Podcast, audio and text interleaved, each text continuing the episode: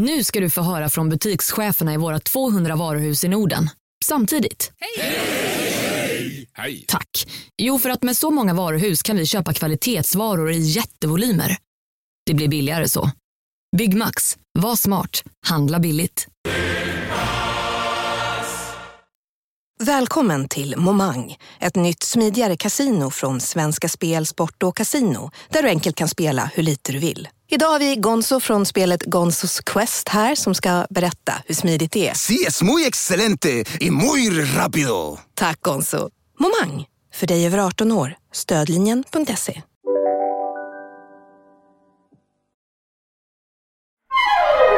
Du lyssnar på en podd från Perfect Day.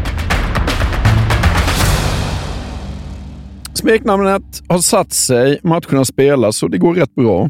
Ja, men det gör det. Även om redan den andra matchen faktiskt innebär en missräkning.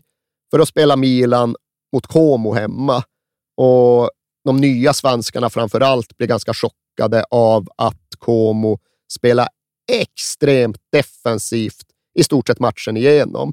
Försvarar med åtta man. Det här är liksom inte VM-systemet och 2-3-5 och väldigt svårforcerat. Men precis i slutet lyckas ändå Gunnar Gren spela fram Gunnar Nordahl och så är det 1-0 och då ska väl poängen vara säkra. Men nej då, upplever Gunnar Gren. Nu är det tydligen rakt motsatt attityd som gäller. Nu forcerar Como desperat och extremintensivt med nio gubbar i anfallet. Och den här vildsinta offensiven gör faktiskt så att Como lyckas trolla fram ett kvitteringsmål precis i slutet. Och Gunnar Gren är lite förbryllad över hela angreppssättet gentemot matchen. Men på läktaren har fru Gun-Britt Gren precis anlänt och hon blir tagen, ja, men nästintill chockad av alla extrema känsloyttringar hon ser runt omkring sig. Liksom den helt otroliga glädjen hos dessa nederlagstippade Como-spelare som lyckas snatta åt sig en krysspoäng. Men i ännu högre utsträckning den bottenlösa, bråddjupa sorgen som hon ser överallt omkring sig på läktaren. Som, ja, folk sliter väl sitt hår och kastar sina hattar och slår i stolsryggar och jag vet inte vad. Men Gun-Britt Gren säger till sin make senare på kvällen att jag blir faktiskt ganska illa till mods. Jag blir rädd av att se och känna på de här känslorna. Det, det känns inte bra.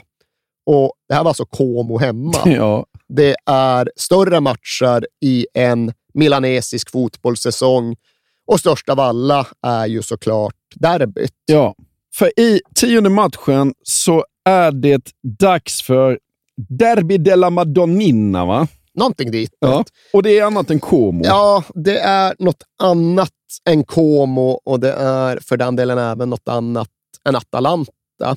Och Milan hade mött Atalanta helgen före. Och Milan hade besegrat Atalanta. Så då såg ju Gunnar Gren och de andra en ganska behaglig vecka framför sig. Men icke då, för direkt efter matchen mot Atalanta så brassade Milan-bussen iväg med hela spelartruppen och placerade dem på en veckolång retiro i Varese. Och Gunnar Gren begrep till en början ingenting. Va? Vi ska vara här i en vecka. Alltså, jag, jag fyller 29 här i dagarna och har liksom en massa folk och vänner här från Sverige.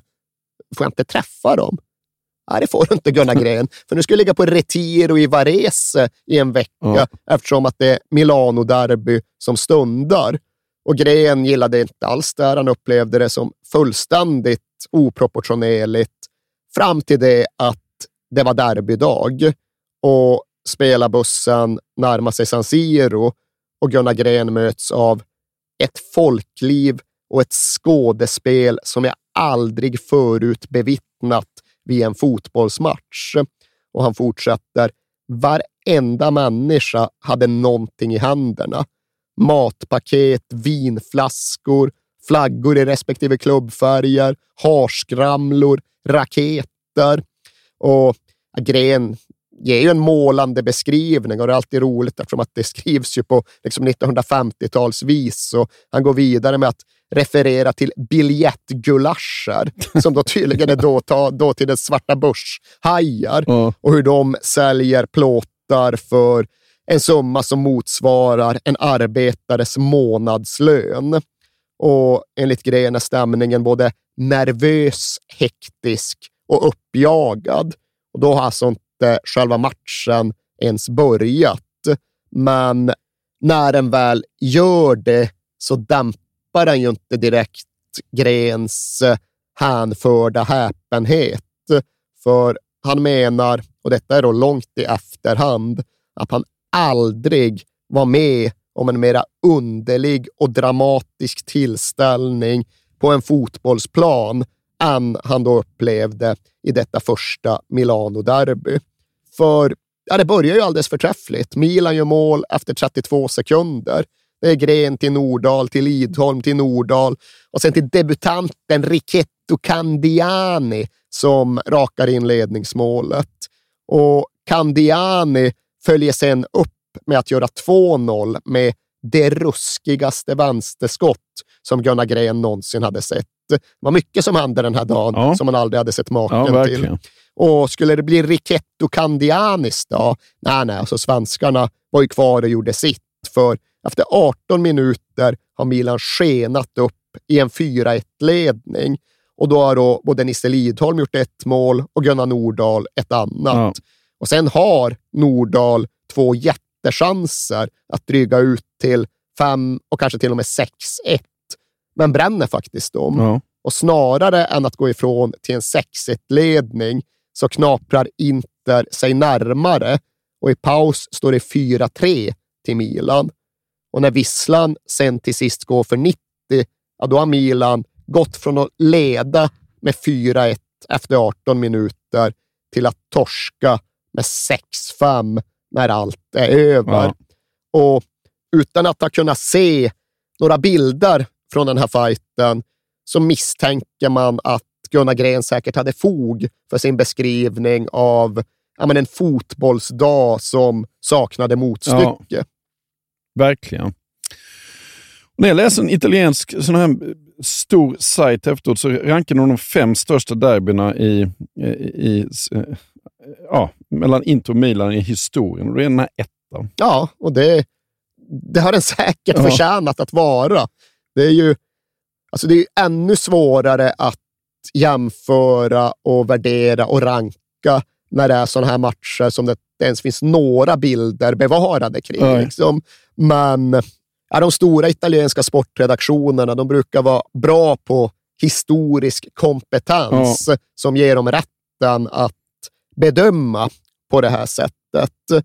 Och ja, även efterspelet är ju massa vittnesmål om hur liksom Inter Tifosi drar igång någon eh, sorts gigantisk skenbegravning av AC Milan som klubb. Det är liksom ett stort begravningståg med kister och processioner som innehåller saker mer makabra än de andra. Och jag kan väl misstänka att Gun-Britt Gren kände att även det var lite överdrivet Ja. och lite magstarkt. Men det är klart att stan än en gång var svartblå den här kvällen.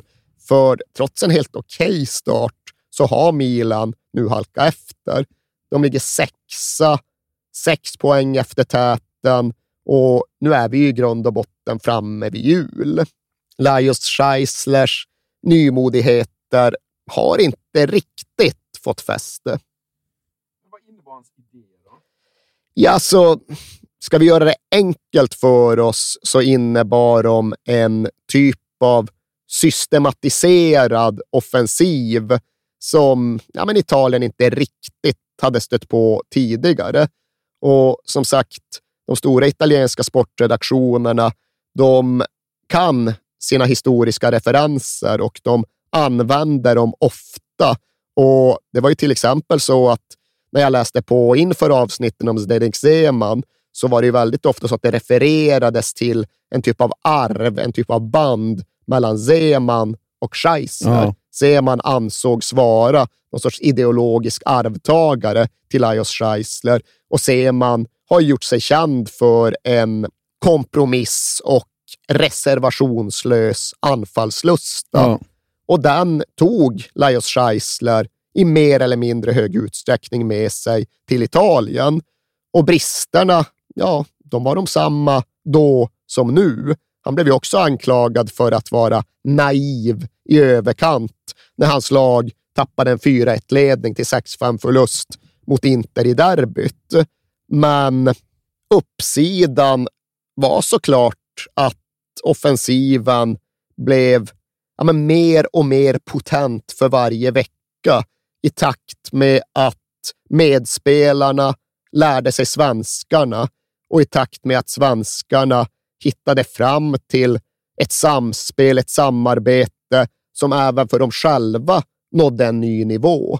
De hade haft kul i landslaget också, men ibland hade Nisse Lidholm varit ute på vänsteryttern och det hade inte blivit riktigt den här kraften som nu började växa fram. För det svenskarna hade med sig och det de sen utvecklade, ja, det var kanske mer än något annat spelet utan boll. För italienarna, jättetekniska och väldigt kreativa och kvicka i svenskarnas ögon. Ibland kände de att det satan vad de liksom pilar runt fötterna på en. Svårt att hänga med. Men det de kanske inte hade, det var förmågan att få varje situation att hänga ihop med nästa sekvens. Nej. Att det ena ledde till det andra. Men det hade svenskarna. De slog en passning och sen tog de ny position och sen visste de att bollarna ska på yta snarare än på fötter. Och att de var ständigt i rörelse där många italienska spelare nöjde sig med att slå passningen och sen stanna och betrakta. De var hela tiden i rörelse. De förstod vart de skulle dyka upp i nästa situation och de orkade trycka på i 90 minuter. Nisse Lidholm hade det naturligt. Ja. Han kunde springa hur länge som helst. Medan Gunnar Nordahl kunde... Ja, det var en väldig skillnad på 98 kilo Gunnar Nordahl på den svenska vintern jämfört med, säg, 89 kilo Gunnar Nordahl efter ett par Scheisler-veckor i bergen. Och det var inte så att nyhetens behag med svenskarna liksom mattades av ju fler veckor som gick av säsongen, utan deras förtjänster och fördelar, att de blev bara tydligare och tydligare i och med att deras lagkamrater började haka i och började förstå och började spela fotboll på samma sätt som svenskarna gjorde, på samma sätt som Scheisler eftersträvade. Så okej, okay, det var ju trist att förlora derbyt med 6-5. Undrar hur Milan reagerar på det. Ja, efter fadäsen mot Inter, då går Milan ut och vinner sju raka ligamatcher och de gör fyra på Fiorentina och Padova. De gör fem på Genoa. De gör 9-1 på Bari och de börjar knapra sig i kapp i en tabelltopp som är mer oviss än på många år. För tyvärr, tyvärr, tyvärr, Torino fanns inte längre. Nej. Italiens bästa lag var borta och det som tidigare hade varit ganska givet var nu väldigt mycket öppnare. För det fanns Inter som definitivt var en titelkandidat och där fanns Milan som verkade vara på väg att bli det. Men mer än några andra fanns i det här läget ändå Juventus som hade axlat manteln i Turin och som hade tagit sig upp i serietopp utifrån en modell som lite grann påminde om Milans. Inte sett till det speltaktiska, speltekniska, för deras idé var mycket mer defensiv än Lajos Scheislers. Men det där med att värva skandinaviskt i block Ja, Danskar gillar de, va? De, de hade danskarna där Milan hade svenskarna. Och det är ju faktiskt som på 90-talet där Milan hade holländarna och Inter hade Just det, tyskarna. ja. Det, det är precis samma typ av liksom dynamik och rivalitet. Och våren 1950, då ligger Juventus hacket före. De leder serien med tre poäng med sina danskar. Och det är ju tvåpoängssystem på den här tiden, Ja, så det är en ja. lite större ledning än vad det låter som. Men nu skulle de möta Milan hemma den 5 februari 1950. Och det är en match som redan på förhand är historisk. För inte nog med att det är en tidig seriefinal, det finns den där skandinaviska derbygrejen. Framför allt så är detta den första fotbollsmatch någonsin som ska sändas på italiensk tv. Just det. Och Det, Det är jag kanske- tänkte då, men hur många hade tv i Italien 1949? ja, det är väl typ 20 pers. 50, ja. Och dessutom så är det ju så här att det är inte hela Italien som nås av några utsändningar. De räcker inte ens till Milano, Nej. utan det är liksom två mil runt Turin Ja. som det överhuvudtaget finns några sändningar. Men de produktionen- 30 persen får en historisk match framför sig. Produktionen görs och bilder sänds ut och vissa bilder finns ju även bevarade. Men jag undrar ifall det var de som finns kvar som sändes ut. För i så fall undrar jag om inte de där 30 gubbarna i bergen runt Turin kliar sig rätt besviket i sina gässar. För det ser ju ingenting. Nej. Det är, liksom, det är lite folk som yr omkring, men att det finns en boll någonstans, Nej. det är nästan hopplöst Ja. att se. Och ja, målen finns ju kvar, så jag kan ju se, eller nej, det kan jag inte, men jag kan gissa att dansken Hansen gör 1-0 för Juventus efter 12 minuter och kan förstå att det säkert kändes ganska tungt och tufft för Milan där och då. Men ja, därefter kan jag bara hjälpligt hänga med i den fotbollshambo som Lajos Scheislers Milan och de rödsvarta svenskarna bultar igång. För ja, det är helvete vad det visslar i knutarna. Ja. De går från 0-1 till 4-1 på en kvart. Gunnar Nordahl gör två, Gunnar Gren gör ett, Nisse Lidholm gör ett. Ja. Okej, de ledde med 4-1 i derbyt också, så nu är det väl kanske dags att dra sig tillbaka. Men, men. Som Gunnar Gren uttryckte det, uppiggade av framgången satte vi till alla klutar. Och denna process underlättades även av att Juventus gentlemannakapten Carlo Parola faktiskt blev utvisad. Ja. Det blev ju aldrig utvisad på den här tiden. Han fotade ner Nordahl, va? Så ska det ha varit. Ja. Det är inte så att jag ser det tydligt på tv-bilderna, kan jag meddela. Nej. Men så ska det ha varit. Ja. Och jag ser att han blir liksom aveskorterad från planen. Men Parola hade liksom verkligen rykte om sig som en riktig liksom renhårig fotbollsaristokrat. Så det var okaraktäristiskt. Ja. Men det var ju också en dag då inga gamla sanningar tycktes gälla. För Milan går från 4-1 borta mot serieledande Juventus till 5-1, till 6-1, till 7-1 och avslutar matchen med de siffrorna. Gunnar Nordahl har gjort hattrick, får rätt till matchbollen. Svenskarna har stått för en prestation som ja, de väl än idag diskuterar om huruvida det ens finns någon motsvarighet Nej. till liksom, italiensk fotbollshistoria. Och det är Juventus största hemmaförlust i historien än idag, va? Nej, jag tror att de faktiskt har fallit större både lite tidigare och lite senare. Men jag vet ju att liksom, ja, men Gren och Lee själva pratar om den här matchen som den bästa de någonsin gjorde. Den bästa de någonsin har varit med om att spela i något sammanhang. Och många som just ägnar sig åt historiska rankingar säger ja, men kanske Juventus ändå värsta insats någonsin. Ja. Kanske Milans största bedrift. Ja, alltså, man blir alltid anklagad, oavsett vad man rankar högt, blir man ju anklagad för att överdriva och sakna proportioner. Ja. Men oavsett vem som rankar, oavsett vilka historiska anspråk som görs, ifall du ska bena ut vilka som har varit de bästa Serie A-prestationerna, bästa italienska ligaprestationerna någonsin. Den här matchen är med i diskussionerna. Och den väckte ju känslor som återigen tror jag hade fått Gun-Britt Gren att känna att det här är inte behagligt. Nej. Och den här gången går det inte att påstå att det saknas skäl att vara bekymrad.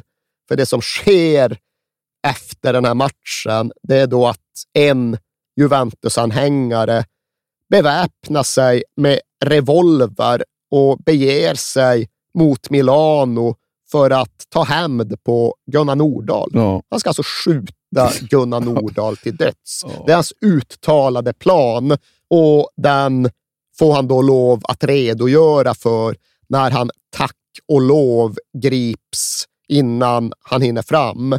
För vi kan ju konstatera att han kanske inte är riktigt i balans. Nej. Han uppträder förvirrat och allmänt utåtagerande. Så han blir ju övermannad, gripen av polis och avväpnad innan ens tåget har nått Milano. Och sen blir han ja, men inspärrad på mentalsjukhus. Och ja, där slutar rapporterna Ja. om vad som hände Ja. med denna Juventino. Det är väl det. Ja, Ja. Det, ja jag vet. Alltså, jag skulle gärna veta vad som skedde, för även när det kommer till vården i Italien, säg våren 1950, så kan det uppstå, här går det inte att prata om dråpligheter, men det kan uppstå situationer som ändå är fascinerande genom sin historiska exotism. Bara för att använda sig av en anekdot så är det några få veckor efter överkörningen av Juventus som Gunnar Gren får en jäkla tandvärk efter en bortamatch. Finns inte riktigt någonstans att ta vägen. De åker in i något litet samhälle, ingen tandläkare. Någon lite större stad. Ja, men här finns det någon som liksom jobbar med tänder också. Och fram kommer då en äldre doktor som Gunnar Gren beskriver genom att säga att han började peta och gräva i min verkande mun med mystiska grovkalibriga pincetter och sedan avslutade han behandlingen med ett par kokainsprutor. Jaha. Och då är det ändå så här, bara, jaha, använder man kokain på det sättet på 1950-talet? Ja, De som får en fan. Tandvårdsbedövning. Gren alltså. kanske kände sig prima efter det där tandläkarbesöket. Fullt möjligt, Ja. för han blir ju definitivt inte avstängd för nyttjande av prestationshöjande substanser, Nej. utan både han och AC Milan mullrar på. Efter 7-1 mot Juventus, ja, då följer de upp med att besegra klassiska Pro Patria Ja. med 7-1 i matchen därpå. Hemmamatchen därefter 7-0 mot Torino. Ja, Och här kan man ju misstänka att ja, men de är väl helt ostoppbara. ja. Och svaret är både ja och nej. Milan är mer eller mindre ostoppbara, i alla fall offensivt, för de avslutar den här säsongen med att ha gjort 118 mål på 38 matcher. Och visst, de släpper in en del, men 45 insläppta. De har alltså plus 73 Ja. i målskillnad. Då har man varit rätt bra, men då har man även spelat i en liga som är rätt ojämn. Och det blir någonstans både Milans välsignelse och förbannelse. För hur mycket de än vräker in mål på Pro Patria så ledde ju Juventus alltjämt ligan med en pinne även efter 7-1-segern. De hade ett försprång och de släppte sen aldrig Nej. försprånget. För de gick ja, men, mer eller mindre rent genom våren. Och Milan hinner alltså inte riktigt ikapp, men de slutar tvåa. Och tvåa, det är en framgång. Det är en jättefin placering och det är ett bevis för att de har nått ny nivå med sina svenskar.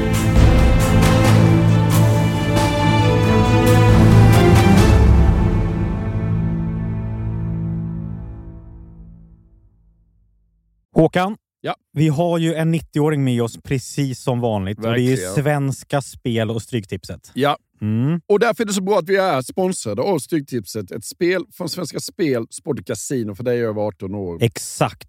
Och stödlinjen.se finns där de har problem med sitt spelande. Ja, Ja, precis. Det är bra att vi har med oss dem så vi får fira dem riktigt ordentligt. verkligen. Och vi firar ju tillsammans med er lyssnare. För att de här är ju rätt unika, de här reklamspottarna. Därför att det är lyssnarna som skickar in sina historier. Och jag tycker Mm. det är helt fantastiskt att ni fortsätter att göra det. För att det blir väldigt mycket roligare. Alla de här historierna, det är liksom hela det är liksom ramen för vad Stryktipset handlar om, skulle man kunna säga. Verkligen. Det är själen. Exakt, och har gjort det i 90 år. Ja, ni får gärna fortsätta skicka in era stories eh, om vad som har hänt i 90 minuten på Stryktipset till kings at perfectdaymedia.se så får ni en t-shirt av oss Yes. för varje publicerat inlägg. Och idag, En lång historia idag, Håkan säger idag har vi en lång historia som går så här. För snart fyra år sedan var jag med om en riktigt sjuk upplevelse som har resulterat i att jag blivit en riktig Stryktipsnörd. Det var coronatider och Premier League-premiär. Jag och min sambo skulle hem till svärföräldrarna på middag, men innan vi åker dit hinner jag lägga en liten slumpartad 64-raderskupong. Championships-matcherna var det bara att blunda, chansa och hoppas på det bästa. Men Premier League har man ju lite kunskap om, så där vågade man tro på skrällchanser. Under middagen hade jag nästan helt glömt bort mitt spel, så jag tog upp telefonen och kollade lite snabbt på resultaten. Vad fan, alla första tio matcherna har ju gått in, så man var ju med i allra högsta grad. Jag slog igång tvn, såg på när Degerfors krossade Jönköping och 11 rätt var ett faktum. Nästa match var Liverpool-Leeds och där satt jag med ett kryss då Leeds var tillbaka igen i Premier League och vill nog ge Liverpool en utmaning. Liverpool tog ledningen tidigt i matchen, men visade verkligen att de var tillbaka igen efter nästan 20 år från fotbollens finrum. De lyckades kvittera kort efter Liverpools ledningsmål och det skulle visa sig bli en riktig jojo-match. 2-1, 2-2, 3-2, 3-3. Fram till 90 minuten stod det 3-3. Jag har 12 rätt och utdelningen är 20 000. Men Leeds nyförvärv Rodrigo Moreno får då för sig att ta bollen med handen efter Liverpool-hörna och dömer då straff till äckliga Liverpool. Ja, Oj! ja. Självklart gör Salah 4-3 från 11 meter och vinstsumman var nu på 5 000 kronor på 12 rätt. Det enda som skulle kunna rädda mig nu var att Newcastle skulle slå West Ham borta, då våghalsiga, naiva jag fick för mig att sätta en tvåa. Jag tror aldrig jag mått så dåligt av att se en fotbollsmatch. West Ham var det spelförande laget i första halvlek, men inga riktiga chanser skapades från något av lagen. När andra halvlek blåses igång och jag hade lugnat mig lite så tar det bara några minuter innan Callum Wilson brunkar in ett ledningsmål för Newcastle och nervositeten kickar igång igen. Om första halvlek var ångestladdad så går det inte att jämföra med andra. West Ham pushar på hela halvleken för ett kvitteringsmål. De har en ribbträff bland annat, men 0-1 står sig fram till slutminuterna. Då får Newcastle en kontring. Bollen slås snett inåt bakåt och når Jeff Hendrick som pangar in 0-2 och euforin är total. 13 rätt och 500 000 kronor rikare. En upplevelse jag aldrig kommer att glömma. Sen den dagen spelar jag Stryktipset varje lördag i hopp om att få med något liknande igen. Plus att det är en jäkligt mysig lördagstradition. Stort tack för er podcast och stort tack för din historia. Mm. Colin Wilson, han har bunkrat in några baljor. Ja, precis. Vi Mm. säger stort tack till våra vänner på Stryktipset. Tack. Vi är sponsrade av Volt Fashion. Yes, det är vi. Och vad är Volt Fashion för dig, Alex? För mig är Volt Fashion lite som vad Magnus Erlingmark var för IFK Göteborg när det begav sig. Jaha. Mm. Göteborg kunde ju använda Erlingmark precis överallt på fotbollsplanen. Han var överallt. Ja. Ja, och lite så i Volt Fashion, för det är ett multibrand-utbud för män. Förstår du vad jag menar då? Just det. Mm. Ja. Du hittar tröjor, skjortor, kostymer, kavajer, byxor, you name it. Allting. Från märken som These Glory Days, Oscar Jakobsson, Tiger of Sweden, Eton, Samse Samse, J. Lindberg och Flippa K. Exakt. Och min Voltbutik som jag brukar gå in i ligger i PK-huset här i Stockholm. Ja, just det. Och det finns ju 40 butiker i Sverige och här finns ju allting. Sweaters, Allting. skjortor, kostym, kavajer, byxor. Allt du behöver, både till fest och vardag. Med alla de här schyssta märkena du räknar upp. Och nu är det ju dags för festligheter. Våren är väl ändå här, det måste vi säga. Det är den verkligen. Och det är dags för bröllop, det är studenter, det är midsommar. Och vad vill man ha då? Ja, en kostym kanske. Ja, jag har precis köpt en kostym. Jaha. Från These Glory Days. Jaha. Jag brukar köra på Edvard-kostymen. Ja, och det är alltså en ullblandning. Det tycker jag är ett måste i kostym. Jag gillar inte linne och sånt där, utan det är ull som jag gillar. Och så måste det vara regular fit, inte slim fit på mig. Nej. Eller när det liksom är lite mer rakt och, och stiligt. Så den har jag gått loss på. Jag gillar ju Oskar Jakobsson. Ja, ja, ja. ja. Svenskt, skönt och där kan jag även tänka mig linne faktiskt. Och sen är det ju så här att du behöver ju faktiskt inte gå in i en faktisk butik, voltbutik, även om det finns ganska många. Utan du kan ju gå in på voltfashion.com och där hittar du hela utbudet och, och kan bara klicka hem det istället. Så klicka in på voltfashion.com och eh, välj din kostym för våren och sommaren helt enkelt. Ja, vi säger stort tack till Volt Fashion. Alex, vi pratar ju om Blackburn och då måste jag fråga dig, vad kör Alan Shearer för bil? Ja, precis. Ja, vi pratar om Blackburn den här veckan. Ja. Eh, ja.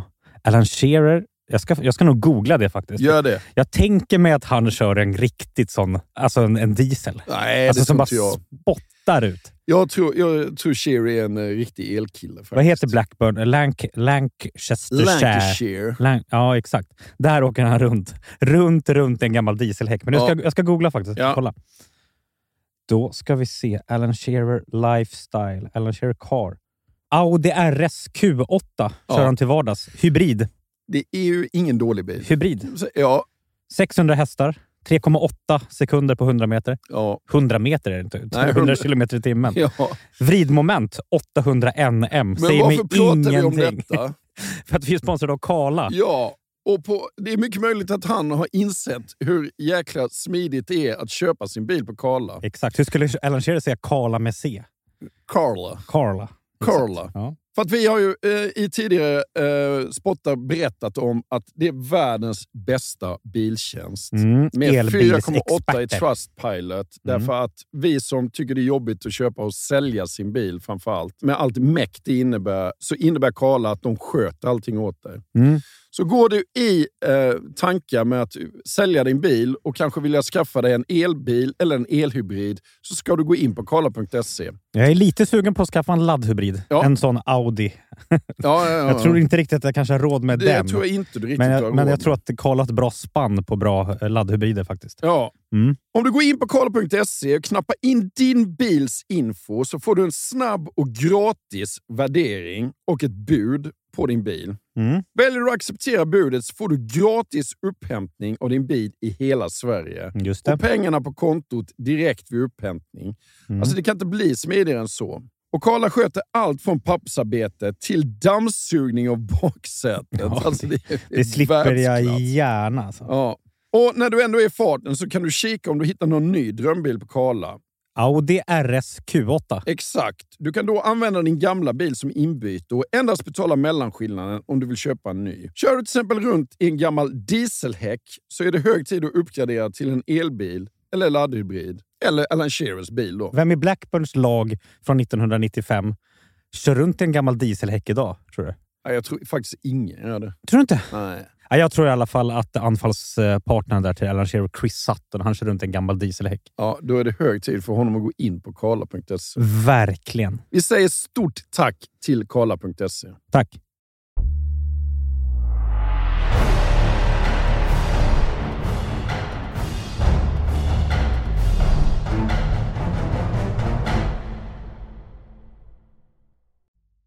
De här svenskarna, alltså Grenoli står för 60,2 procent av målen. Alltså över 60 procent av de 118 Ja, målen. de är väl ihop typ 71 mål. 71 mål, ja. Gren 18, Nordahl 35, Lidholm 18. Ja, och ifall du har gått till fel källar så har du säkert lurats att tro att Nordals 35 var rekord. Men det ska ju finnas någon Rossetti som gjorde 36 för Torino på 1920-talet. Jag sa inte att det var rekord. Det är du, Du var på väg dit. Nej, men det var ju faktiskt en grej. Liksom. Det var en grej länge att ja, Nordahl har det oslagbara rekordet och sen är det liksom statistikerna som säger nej, nej, finns en på 20-talet, men det verkar inte riktigt ha räknats. Nordahl hade rekordet. Rekordet, ja, det skulle minsann vara oslagbart, skulle aldrig kunna upprepas för ja, det var ju bara på liksom, den sorglösa anfallfotbollens 1950-tal som något sånt här kunde ske.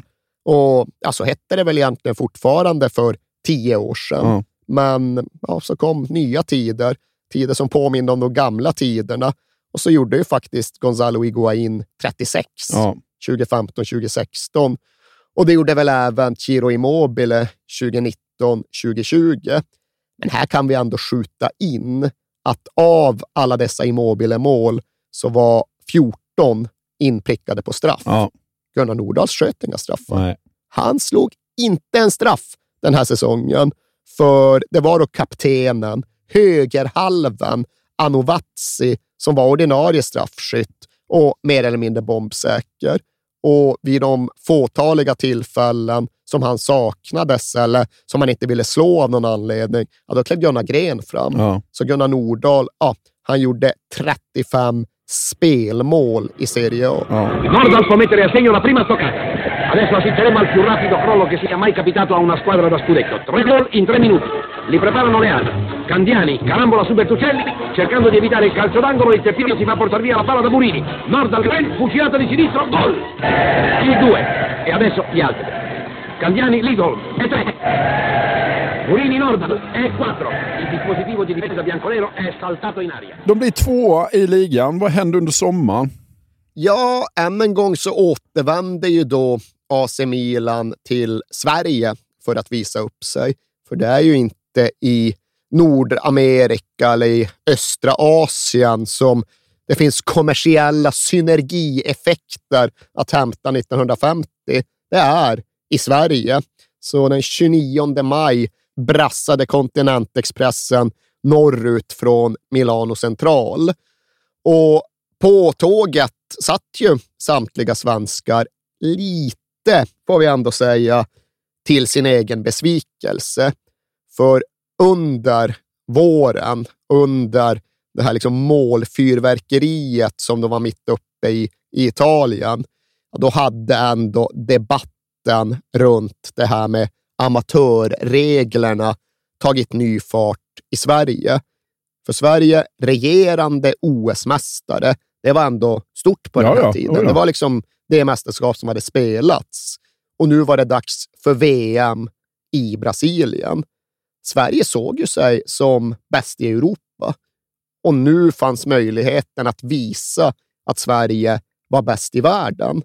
Men lång resa till okänd bortaplan, ja, nog 17 krävs väl ändå bästa möjliga lag för VM-guld. Och diskussionen gick både fram och tillbaks och nere i Milano så var svenskarna inne på att okej, får ni bara ihop det, ifall ni bara häver förbudet, så visst 17 är vi beredda att åka och spela VM.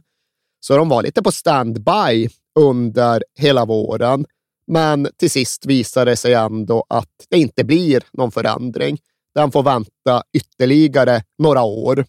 Alltså folk, svenska folk måste varit vansinniga. De har Lite gjort det i Milan. och. Liksom. Alltså, det satt starkt det där med Ja, amatöridealen gjort i fall. många. Men det fanns de som var vansinniga och det fanns de som drev opinion i pressen. Och för de som gillar sånt så var det väl en härlig fotbollsdebatt där det både gavs och togs. Men till sist åker ju då Sverige till VM enbart med amatörspelare hemifrån. Och det går inte att säga att de gör bort sig och skämmer ut sig direkt Tvärtom. utan de tar ju medalj. Det blir ju brons i VM för Sverige. Men då satt man ju Tänk om Grenoli hade varit med i det laget också. Nej, men alltså det finns fog för att tro att Sverige hade kunnat vinna VM-guld. Ja. Så är det ju. Ja. Så är det absolut. Men än en gång så imponeras såklart omvärlden av det som svenska spelare presterar. Både då i de stora mästerskapen och numera i de stora proffsligorna. Så värvningsvågen som sköljer mot Sverige, ja, den blir ju ännu högre och ännu mer kraftfull nu. Det hade liksom sipprat ut spelare under det dryga år som gått sedan Gunnar Nordahl skrev på, men nu slås dammluckorna mer eller mindre upp. Och den italienska högsta ligan blir ju en svensk Ja. liga. Tror det är, om jag har räknat rätt, 13 spelare från Sverige i Serie A-säsongen 1950-51. Och här vet jag ju att du har snubblat över alla namnen i din research. Frågan är bara hur många du kommer ihåg. Men du kan inte se det som chanslös, för det här har du läst ganska nyss. Alla 13? Hur många kan... Jag vill att du ska kunna fler än hälften. Är du, är du allvarlig eller? Nej, jag höjer till åtta, för du får ju flera gratis. Åtta av tretton ska du kunna för att du ska vara nöjd med dig. Ja, Grenoli. Ja, det är tre. Ja. Bertil Nordahl. Ja, det är också gratis. Fyra. Så nu vill jag ha fyra till Ja. av dig. Nacka har du ju där. Nacka går ju till Inter, så det är ju fem. Är Håkan Jeppsson där? Ja, alltså Hasse, Hasse Jeppsson. Hasse Jeppsson med, Hasse, ja. Han kommer lite senare på omvägar. Men han räknas? Nej, han gör nej, nej. Jo! Nej, men han hamnar ju i Charlton och så. Han kommer ju först säsongen efter. Men du måste ju resa. Du kan inte börja. Snart ska du räkna in liksom Valentino Lai också. Ehm, ja, sen, sen måste jag börja tänka här då. Ja, det blir problem. Ja. Alltså jag tycker redan är uppe på, på godkänd nivå faktiskt. Du har kunnat Grenoli, Bertil Nordahl, alla de har vi nyss pratat om och så lade du till Nacka till Inter, Och så Hasse Jeppsson. ja, som är fel. Nej, som du kallar för. Håkan. Eh, vi pratade om Mona Lisa tidigare. Var inte han med? Kommer inte han hit också? Du, nu drar du ju bara fördel Nej. av... Ja. Är det rätt eller fel? Ja, det är rätt. Det är det är rätt. rätt, ja. Det är lite street smartness här. Ska vi se. Men Du är fortfarande två namn bort. Jag kan inte vara två namn bort. Det är precis vad du är. Och det, alltså, du, borde kunna, du borde kunna pressa fram två namn till. Jag tror Mm. till och med när jag tänker på att det är 14 Nej, sluta nu. Nej, men totalt. Alltså, Ja. du, dina odds förbättras. Jag tror till och med att jag liksom har glömt bort en kille. Ja. Men du ändå, räcker ändå med åtta. Eh, Ska jag hjälpa dig mycket? ja. Alltså, det är ju inne med trios. Det är inte liksom Nej, det, holländarna det, det i- hjälper inte. Jo, det gör Nej, det. det gör inte det. Nästa säsong finns det svensk trios i, förutom Milan, också Roma och Genoa. Ja, jo, men det, jag, har sett namn fladdra förbi. Jag kommer inte ihåg dem. Eh, vissa namn fladdrar förbi. Uh, oj, vad nära var fingra lite på datorn. Nej, du får dra det, för jag kommer inte på fler. Och du borde ju verkligen kunna Ingvar Gerd i Sampdoria. Det var ett skämt. Ja, jag börjar jag. med de Ja, lite ja. mer svåråtkomliga. Ja. Kan ju tycka att du borde kunna Åke Hjalmarsson och Kjell Rosén, båda till det liksom sönderslagna Torino. Ja, nej. Nej. Det är också lite... Men nu blir det lite... Alltså, trion i Genoa, Mm. det är ändå Stellan Nilsson, Börje Tapper och Bror Mellberg. Mm. Och trion i Roma är ju då, och här är ju här du borde plocka fler poäng. Mm. Du hade Mona Lisa, men du hade ju kunnat lägga till Knut Nordahl Ja, Jag, jag, tänkte säga Norde till, men jag kunde inte förnamnet. och Vittjärv Sundqvist. Ja. Och Vittjärv, det hör ju själv att det Ja, förpliktigar. Ja. jag tror till och med äh, lyssnarna eh, ger mig godkänt för det jag kunde faktiskt. men det är ju för att vi har för unga lyssnare. Ja. Lyssnare som är lika gamla som du är, de sliter ju sitt Nej, hår och sina ögonbryn. Nej, nej, nej. De sitter, Ingvar Gerd! Ja, sitter de och du- skriker. Du tror alldeles för högt om alla. Eller att alla är, är på din nivå. Nej, nej, men alltså, jag, tror, jag tror gott om mina medmänniskor, Ja. absolut. Ja. Hur blir denna svensk säsong då? Eh, ja, men den blir på alla sätt egentligen väldigt, väldigt lyckad. Det blir ett väldigt starkt idrottsambassadöriellt skyltfönster mot omvärlden. Men det börjar med svärta och med sorg. För mitt under Milans eh, uppvisningsturné i Sverige så förolyckas faktiskt systern i Nordahl-familjen. Det är Gerd som går bort efter en hemsk cykelolycka i England. Och naturligtvis innebär ju det att Gunnar Nordahl lämnar den här turnén och behöver hantera djup personlig sorg.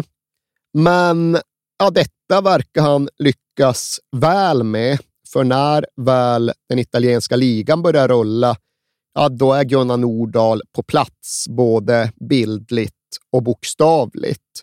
Och Milan, ja, de börjar precis på samma sätt som de genomförde våren. De vinner alla matcher och de vräker in mål. De börjar med sex raka segrar. På dessa sex gör de 26 mål. Ja. De slår Novara med 9-2. Gunnar Nordahl är fyra. Nisse Lidholm gör ett. Och speciellt med just denna utspelning var att Silvio Piola spelade för Novara. Och det var då Gunnar Nordahls företrädare som den överlägsna skyttekungskanonjären i italiensk fotboll. Ja. Han liksom var med och vann VM 1938 och har fortfarande målrekordet i den italienska högsta ligan. Men ja, nu börjar han vara rejält till åren och hans krafter har väl falnat något. Men ja, det har inte gjort honom förbittrad, utan det tycks snarare ha fått honom att i ännu högre utsträckning uppskatta fin fotboll oavsett vilka som presterar den. Så han ska ha ställt sig rätt upp och ner och genomfört liksom en enmansovation. Han ska ha hyllat Milansvenskarna med en stående ovation uppe vid mittcirkeln efter att de hade sågat fram ett av alla de här målen. Och det kanske inte hade landat optimalt i dagens fotbollsklimat. Då kan jag se vilka invändningar som hade riktats mot Silvio Piola, men där och då så tyckte han sig vara i position att bara hylla dem som hyllas borde. Ja.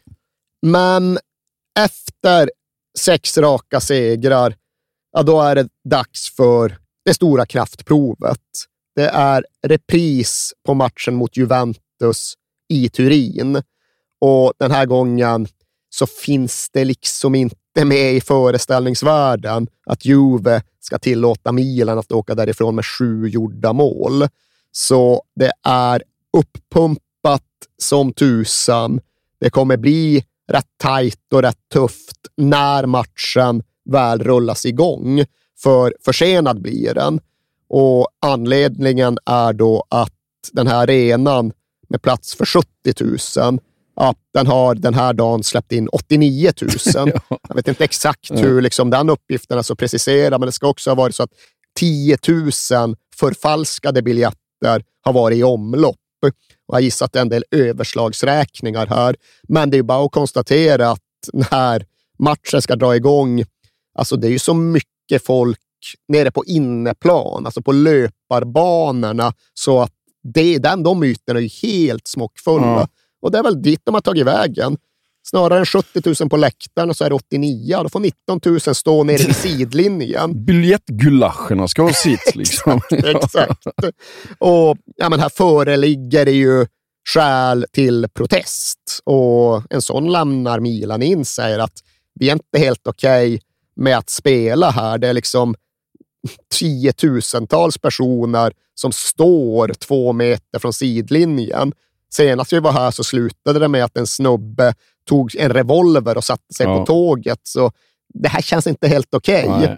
Och tävlingsledningen sa att ja, vi hör vad ni säger, men ska vi inte spela ändå och se hur det går? Och Milan ska typ Ja. gå med på det. Säga att okej, vi spelar, men vi gör det under villkorlig protest. Typ. Ja. Det ska ha funnits någon regelskrivning som innebar att de, de sen ville under matchen kunde de mer eller mindre bara sträcka upp handen och säga att ah, nu skiter vi i det och få Ja. rätt att Okej. göra det. Ja. Men ja, tufft, stängd, svår match för alla inblandade. Men det är ändå Nisse Lidholm som ger Milan ledningen. Och sen får Milan en straff. Och hemmapubliken, ja, de tolererar det trots allt. Ja. Och där kan ju matchen vinnas och där kan det göras ett jätteryck. Men den här Anovazzi som alltid slår straffarna, han pallar inte. Mhm. Han känner att nej, det här utsätter jag mig inte för, Nej. inte under de här premisserna. Och istället kliver Gunnar Gren fram och slår straffen, men inte bättre än att målvakten kan rädda. Och där kan man ju tycka då att ja, men kanske här sträcker ni upp handen. Nu hade ni straff och er lagkapten vågade inte skjuta för att det var för hotfullt runt honom. Då kanske det inte är helt sportsligt rättvist. Men man kan ju inte räcka upp handen efter man har missat en straff. Nej, Man kanske ska då, räcka då upp kan det bli dålig stämning. Ja, man kanske ska räcka upp den då innan man avsäger Exakt. sig ansvaret. Men eh, inte nog med detta, utan tio minuter senare då får Juventus straff. Juventus gör mål. Folk tycks nöjda runt sidlinjerna och till sist kanske det gynnar alla parter att det blir 1-1 och liksom någorlunda lugnt efteråt. Men här blir då ändå frågan om ett litet farttapp i Milans säsong under månaden som följer. För de tappar poäng mot Como och de förlorar faktiskt hemma mot Bologna. Och dessutom faller de än en gång i derbyt mot det som nu är Nacka Skoglunds Inter. Ja. För sevärd match, händelserik match. Gunnar Nordahl gör två, men det gör Nacka också. Ja. Och det är Nacka som liksom stöter in en stolpretur i 83 som blir avgörande. Och i och med det målet, den segern, ja, då tappar Milan serieledningen till ett Inter ja, men som dessutom faktiskt rycker lite grann. Men de tar sig i kragen och kör på. Ja, det är det minsta man kan säga. För ja, de börjar stapla vinster. De börjar bygga en förlustfri svit och de klarar även ja, men de tuffa testen när de kanske hade haft en ovana att visa sig lite bräckliga tidigare.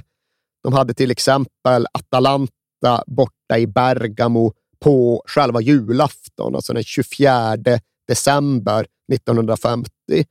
Uselt väder, snöblandat regn, sumpmark på planen och kanske mest oroande av allt för Milan, Gunnar Nordahl mot storebrorsan Bertil. Och han hade ofta svårt mot storebrorsan. fanns kanske någon ingrodd, medfödd respekt där. Det brukade vara en ovanligt blek Gunnar Nordahl i de här familjederbyna. Men nu körde han som satan och är faktiskt överlägsen sin storebrorsa. Och Milan vinner matchen med 7-4. Och även om Gunnar Nordahl bara gör två mål så ska han ändå ha varit ja, men fullständigt överlägsen. Ja. Hade man klarat av ett familjederby, då kunde man väl lika gärna riva av ett till. För som nämnts numera även en tredje Nordahl i Italien. Knut Nordahl tillsammans med Mona-Lisa Andersson och Vittjärv Sundqvist i Roma. Och det är klart att de också får sin smeknamnssammanfattning, Ansuno, som också är helt okej. Okay. Inte riktigt sätter Nej. sig direkt, men du gillar inte Ansuno. Nej, det klingar inte lika bra tycker Nej, inte jag. riktigt, men jag tror det hade kunnat växa med tiden. Ja. Men detta Roma är ett ganska svagt Roma och det krävs inga exceptionella åthävor av Milan för att besegra dem. Det blir 2-0 på San Siro och Gunnar Nordahl nöjer sig med ett mål. Men det är alltså sex svenskar på plan i denna match i den italienska högsta Ja. ligan. Historiskt såklart. Och faktiskt även något som sammanfaller med att det kommer en, jag ska inte säga spelfilm, någon typ av dokumentärfilm som går upp på svenska biografer med titeln Grenoli, Nacka och Company. En film om våra svenska fotbollsvikingar i Italien. Susskvist som han kallas här är populär och en enkel hörnspark applåderas. Ja, så där ja, klipp till nu. Äsch, bättre kan ni grabbar.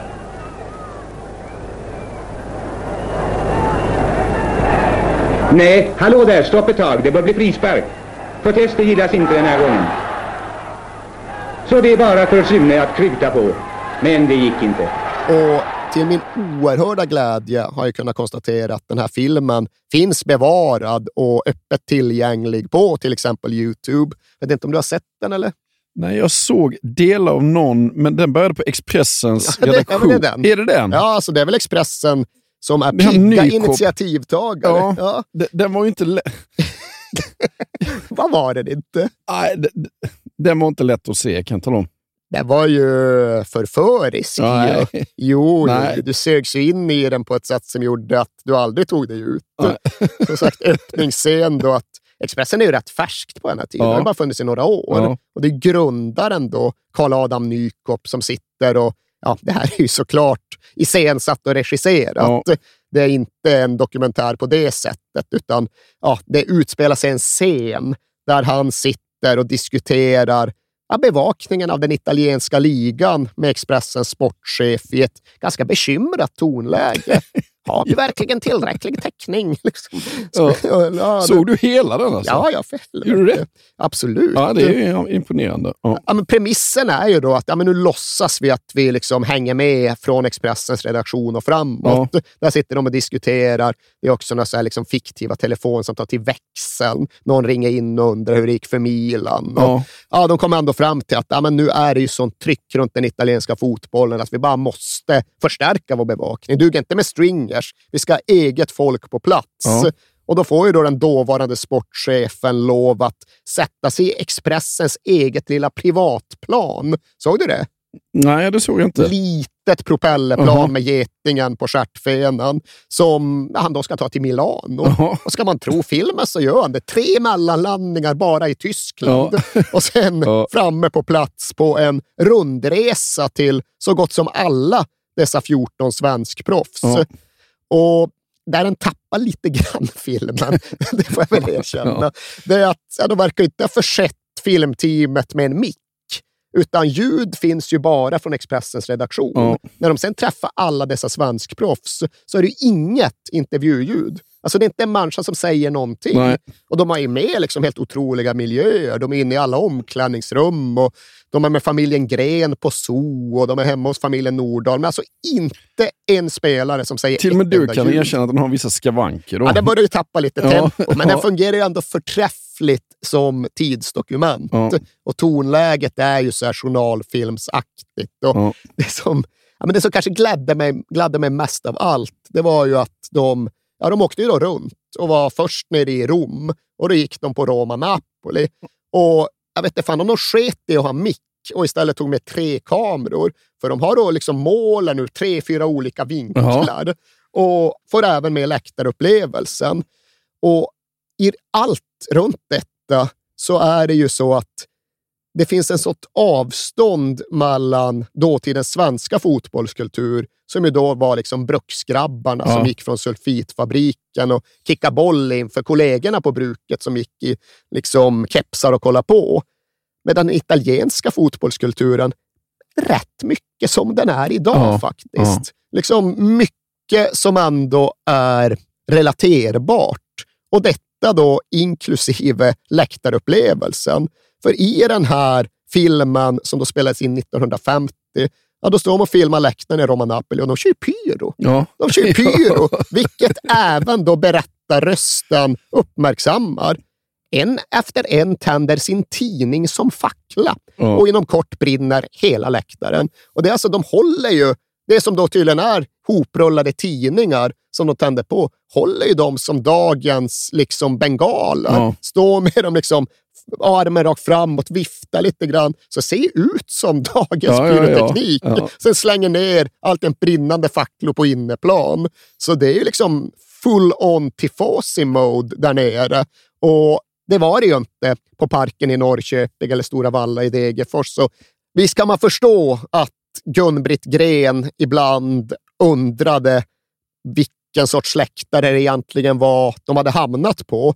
Vi får ju någonstans konstatera att ja, den läktarkulturen kom med tiden att erövra och ta över fotbollsvärlden. Ja. Och den men läktarupplevelsen lockade. För så mycket får ju sin start under just de här upptäckaråren. Och jag tror säkert då att Expressens biofilm om Grenoli, Nacka och de andra svenska fotbollsvikingarna bidrog till det här intresset som snabbt växte sig större och större och större i Sverige. Okej, det är inte riktigt Zlatan i Barcelona, men det påminner Ja. ändå om Zlatan i Barcelona. För ja, Milan fortsatte ånga på. De slog Juventus med 2-0 hemma i nyckelmatchen i början av mars. Och det var Gunnar Nordahl och Nisse Lidholm som gjorde målen. Ja. Men när det sen var dags då för nästa riktigt definierande fight, påskderbyt mot Inter, ja, då sammanföll det, eller då hade dagen använts till den allra första svenska fotbollsresan. Alltså turistresan, gruppresan i organiserad form. För då hade då Stockholmstidningen och resebyrån Nyman och Schultz arrangerat en derbyresa Jaha. till Milano. 200 signar upp sig och åker ner. Och ja, Det var inte riktigt som när Zlatan skrev marknadsföringsavtal med Aftonbladet Nej. och sen försökte slingra sig ur. Utan här var ju svenskarna och framförallt Gunnar Nordahl ytterst engagerade i att fotbollsturisterna på besök skulle få en god upplevelse. För ja, Gunnar Nordahl, som sagt, hans status och hans sätt att ta för sig i Milan, det växte och växte. Nu är han inte bara med i förhandlingar och värvningsstrategier. Nu är det han som liksom styr upp hela läktararrangemanget för den här gruppresan. Lite knöligt till en början, men sen kom de gemensamt för att ja, men vi avdelar en hel sektion. Ja. Svenskarna får en hel sektion för ja, då kan vi hålla koll på att allt går som det ska, att ingen liksom går bort sig bland pyrotekniken. Nej. Så det fixar Nordahl. Sen mötte han upp resenärerna på matchdagens morgon. Ser till att den transport med motorcykelpolis som han också har ordnat rullar iväg som den ska. Och enligt egen utsago anstränger sig lite extra mycket i den här matchen som blir något av en krampmatch, men som Milan vinner med 1-0 efter tidigt segermål av Gunnar Nordahl. Vilken jävla hjälte du. Och sen, ja, då är det middag på kvällen. Då. Konsulatmåltid med både Gunnar Nordahl och Gunnar Gren på Grand Italia i den här glasgallerian precis vid domen. Ja. Vet, vet inte fan vad en konsulatmåltid är, Nej. men det, låter, det, kanske innebär att konsuln också Ja, var där. ja. Men jag förstår att ifall man fick den upplevelsen som fotbollsturist, ja då blev man säkert sugen på mer. Det tror jag också. Och det skulle ju visa sig att det var rätt många i Sverige som började törsta efter internationell fotboll med tiden. Och vi skulle ju komma att bli en Tipsextra-nation. Men Tipsextra började sändas i slutet av 60-talet och det innebär att vi har nästan 20 år här då det tveklöst är Italien som får svenska fotbollsögon att tindra. Det är liksom italienska läktare som svenska fotbollsgossar och fotbollstjejer vill se och uppleva. Och det är då så väldigt långt före Glenn Strömberg och Thomas Bolins tid och hela den uppryckningen. Här är det ju Grenoli, Ansuno, Ja. alla de som gör den italienska ligan till vår första stora utlandsförälskelse. Men vilken upplevelse att komma ner och se den här matchen och få äta middag med Gren och Nordahl. Konsulatmiddag. Ja, och Lidholm då? Ja, Lidholm var ju frånvarande och till detta hade han sannerligen laga förfall. Han hade sina skäl.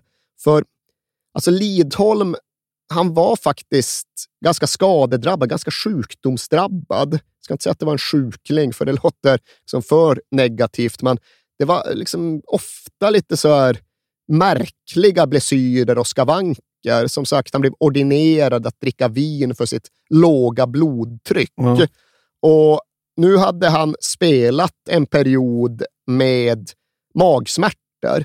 Och till sak hör kanske också att hans far hade gått bort under den här vintern. Så det fanns en dimension av sorg som kanske tyngde ner honom. Kunde det få medicinska konsekvenser? Men läkarna var lite förvirrade och förbryllade kring att ja, det var mycket smärtor som de ibland inte riktigt förstod sig på. Men här, bara några timmar efter derbysegern mot Inter, ja, då blir liksom smärtorna så kraftiga och akuta så det är liksom inte läge att diskutera kring huruvida de är psykosomatiska på ett eller annat sätt, utan det är bara brassa till sjukhuset i ilfärd. Och där visade det sig att han har fått en klassisk gammal blindtarmsinflammation och den hade då fått gå obehandlad så länge att det nu verkligen var akut på riktigt. Och väl inne på sjukhuset, ja, där säger de sakkunniga doktorerna som han får träffa att alltså, det här var en fråga om timmar. Ja. Och det var en fråga om liv eller död. Hade du lyckats lägga dig att somna hemma på natten och på så sätt inte komma in förrän morgonen efter, ja, du hade inte varit vid livet. Nej. Och Det är onekligen liksom en ganska dramatisk situation. Och det innebär även att Milan får klara sig utan Lidholm under en månad när läget är som allra skarpast. Lidholm fick åka till San Remo och sitta där och Ja. återhämta sig. Men de klarade även detta på ett ja, nästan förvånansvärt bra sätt. För de bygger en lång svit av goda resultat. De går 24 matcher obesegrade i ligan och de har en period mellan, säg, sent januari, tidigt av april, som de vinner 10 raka. Och liksom sådana resultatsviter, då tror man ju att det egentligen ska vara klart redan. Ja. Då ska väl ligan vara vunnen i mitten av april. Men ja, det var en ojämn liga. Juventus och Inter tog också många poäng. Och trots att Milan ledde med fem poäng, och än en gång, det är tvåpoängssystemet. De ledde med fem poäng med fem omgångar kvar, så lyckades de inte knyta ihop säcken. För nu började de darra när bucklan verkligen var nära. För först slutade det bara 0-0 mot klassiska Pro Patria. Och sen hade de Atalanta på San Siro. Som sagt, Atalanta de hade åkt upp till Bergamo och vunnit med 7-4 när Gunnar Nordahl kastat av sig storebrorsrespekten för Bertil. Ja. Nu gör Nordahl ett mål och Gunnar Gren gör två, men ändå blir det bara ett 3-3-kryss och många hade lite svårt med analysen, för det gick liksom inte att hävda att eh, Milan hade tappat poäng för att Bertil Nordahl hade stängt ner Gunnar. Nej då, som Gunnar själv formulerade, två gånger lurade jag minsann broderskapet kapitalt. Ja.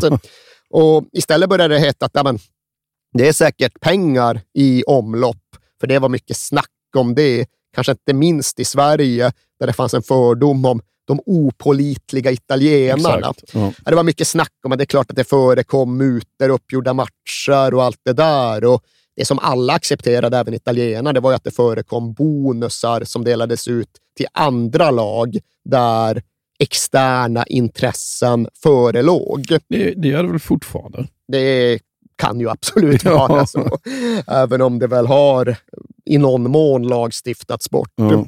Men ja, i skenet av hela de här diskussionerna så började det nu istället riktas anklagande fingrar mot Bertil Nordahl, broderskapet som blivit kapitallurad flera gånger om. Och Gunnar Nordahl fick gå ut och liksom försvara honom. att men, Där kan ni väl inte lägga skulden. Och ordvalet eller bilden han sedan använde sig av i sin första memoarbok, men det roade mig så mycket att jag ändå vill vidareförmedla det. För han skrev det, apropå allt detta, att, nej, att be Bertil offra sin idrottsliga heder har lika liten utsikt till framgång som att försöka få påven att flika in Coca-Cola i sin påskpredikan. Ja. Jag vet inte riktigt vad jag tycker om den bilden, men den är apart. Liksom. ja, det är den ju verkligen. Ja. och gör på så sätt i alla fall en liten del av min dag. Ja. Men ja, när allt kom kring så hade de nu ändå tappat poäng två matcher i rad och därefter är de faktiskt nära att förlora mot Fiorentina borta. Krävs ett sent kvitteringsmål av Gunnar Gren för att hjälpligt rädda dagen. Men nu är ändå läget som det är. Det är bara två omgångar kvar och liksom Milan tycks ha förlorat förmågan att vinna. Och skulle det bli så att de tappade poäng, att de till och med förlorade, att de inte klarade av att besegra Lazio hemma i näst sista omgången, ja, då betecknade så gott som alla det som kört, för i så fall skulle det vara Roma borta i sista rundan. Och vart skulle Milan i så fall hitta en helt borttappad form igen? Nej, det skulle inte gå. Utan det var näst sista omgången, Lazio hemma, nu eller aldrig.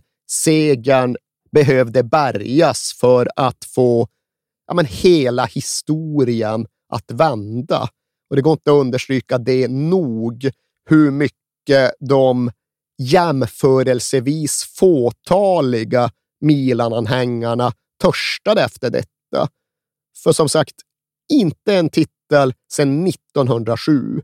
Inte en titel sedan internationalisterna bröt sig ut och bildade sin egen klubb som därefter sprungit om och förbi och vunnit fem titlar och lockat fler fans och tagit över staden. Dessutom så var det ju inte som låg precis bakom dem. Ja. Exakt så. Det gjorde ju det hela ännu mer rafflande och diaboliskt. Det kändes som att Milan hade en sista matchboll och ifall de missade den, då kunde de väl lika gärna lägga ner klubben, ja. för då var liksom slaget om Milano för alltid och för evigt avgjort. Det var i alla fall så det byggdes upp. Det var så det målades upp och Milan-folket kände att vi kommer vinna. Vi kommer vinna bara för att vi måste, måste vinna. Ja, och dessutom Lazio har inget spela för. Nej, det, exakt. Ja. Och ja, men Det får lov att gå.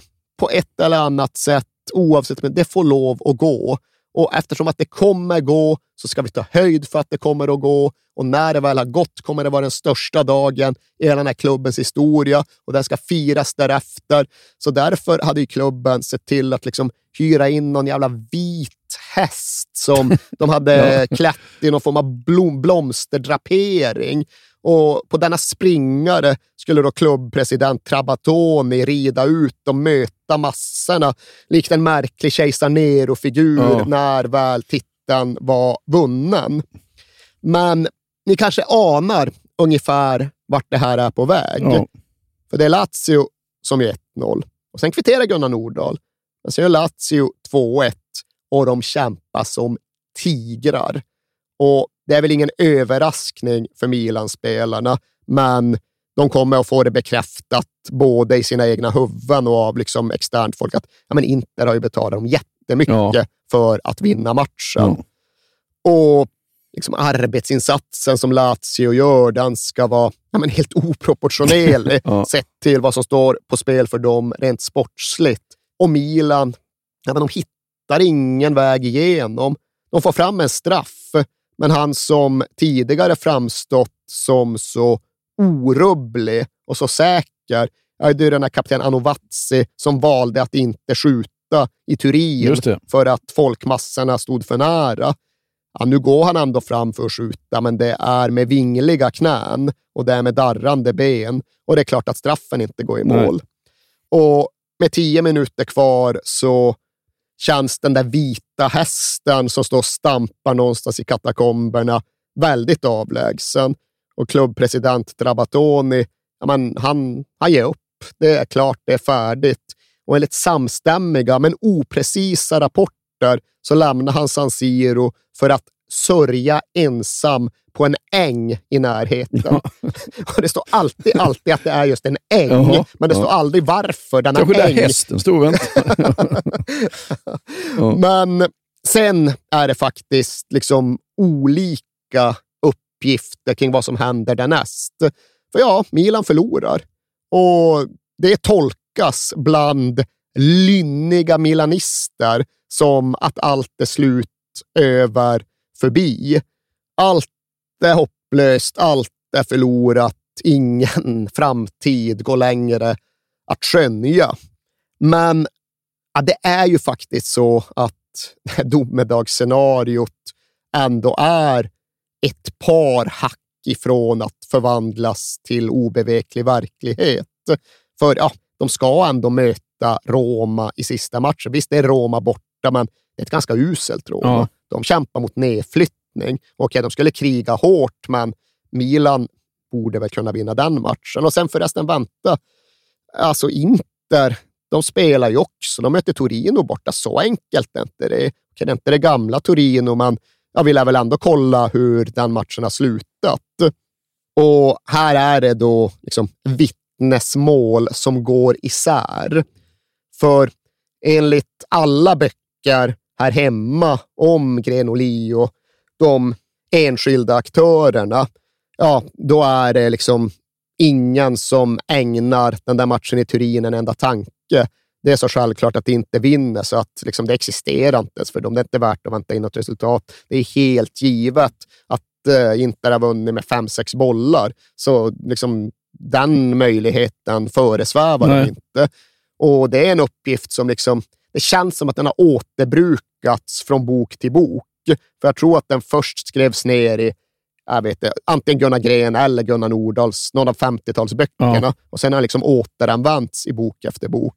Men den skildringen gör gällande att absolut ingen bryr sig om vad som hände i Turin. Sen finns det ju de italienska böckerna och de italienska berättelserna från de här minuterna. Och där är liksom en annan bild som målas upp. Där är det ju folk som vägrar lämna San Siro för alla liksom hukar och samlas runt de transistorradios som åskådarna har med sig och de lever sig med i varje spark och de vet då att Torino faktiskt leder och att scudetton därmed är några få minuter bort, om bara Torino kan hålla ut. Och det är som feber, det är som spänning, liksom luften dallrar ju. Och Milan-pampen Bosini, ja, han ska svimma medan han väntar ja. på resultatet. Och det är något annat än en Gunnar Nordahl som sitter och liksom inte bryr sig för fem år. Verkligen. Ja. Och här får jag väl faktiskt känslan att den italienska versionen ligger nog närmare den allmänna sanningen. Ja. Sen var det säkert så att Gunnar Nordahl själv hade tankarna på annat och att han blir liksom barskt väckt ur sin sportsliga mardröm när slutsignalen går i Turin och radion redovisar resultatet och det enorma jublet bryter ut. Men ja, visst, Nordahl han skildrar en helt yrvaken, häpen segeryra. Alla flög upp från sina platser. Bollskor slängdes i väggarna. Läskedrycksflaskor åkte efter golvet. Alla tjöt och alla sökte efter någon att kasta sig om halsen på. Och sen är det alltså klart yster, glädjeyra som inte nödvändigtvis ligger helt i linje med liksom Gunnar Nordahls västerbottniska kynne. Det var ett kramande och ett kyssande som jag trodde skulle ta alldeles kål på oss, ja. skriver han med lite besvärad ja, ja, ton. Men nog tusan verkar ha varit ett party. Spelarna de fick ju lov att liksom ta på sig sina matchdräkter igen. Någon gick väl bara ut i kalsonger, men möta jublet från ett San Siro ja, som då ska vara i stort sett fullsatt. Ja. Vilket också indikerar att alla kanske inte hade givit upp och gått hem ändå. Ja. Men Trabatone, han ska ha suttit på den där ängen i alla ja. fall. Så honom fick de, liksom, honom fick de gå och hämta och släpa tillbaka naturligtvis bara omkring honom också. Hästjäveln är borta. Den får ingen mer plats i historien. Det är helt utskriven. Men ja, sen är det stadsstort party då Milano till sist då, efter 44 års väntan blir svartrött igen. Och ja, svenskarna ska väl mest bara, liksom, de verkar typ ha stuckit ut näbben och konstaterat att nej, det här ger vi oss inte ut i. Så de åkte bara hem till var och en till sitt och ja. kände att ja, om stan står kvar efter jordbävningen får vi väl utvärdera då, men äh, det här partyt är inte vårt party. Det tycker jag var ganska beige gjort av dem faktiskt. Jo, men liksom bruksförnuftigt. Ja. De hade kanske inte i sig att ta det där mottagandet från centralstationen, multiplicera det med 60 och se vart det tog dem. Ja, Lidholm satt hemma hos änkan istället. Lidholm satt hemma hos änkan, fick tofflor på fötterna och blev liksom förflyttad mot fotbadet. Ja. Medan Gunnar Gren satt med fru Gun-Britt och bekymrade sig över känslosvallen. Och Gunnar Nordahl förmodligen fortfarande kände sig lite tvehågsen till om han verkligen var värd alla pengar och allt ståhej och allt det som nu pågick utanför hans fönsterrutor. Ja.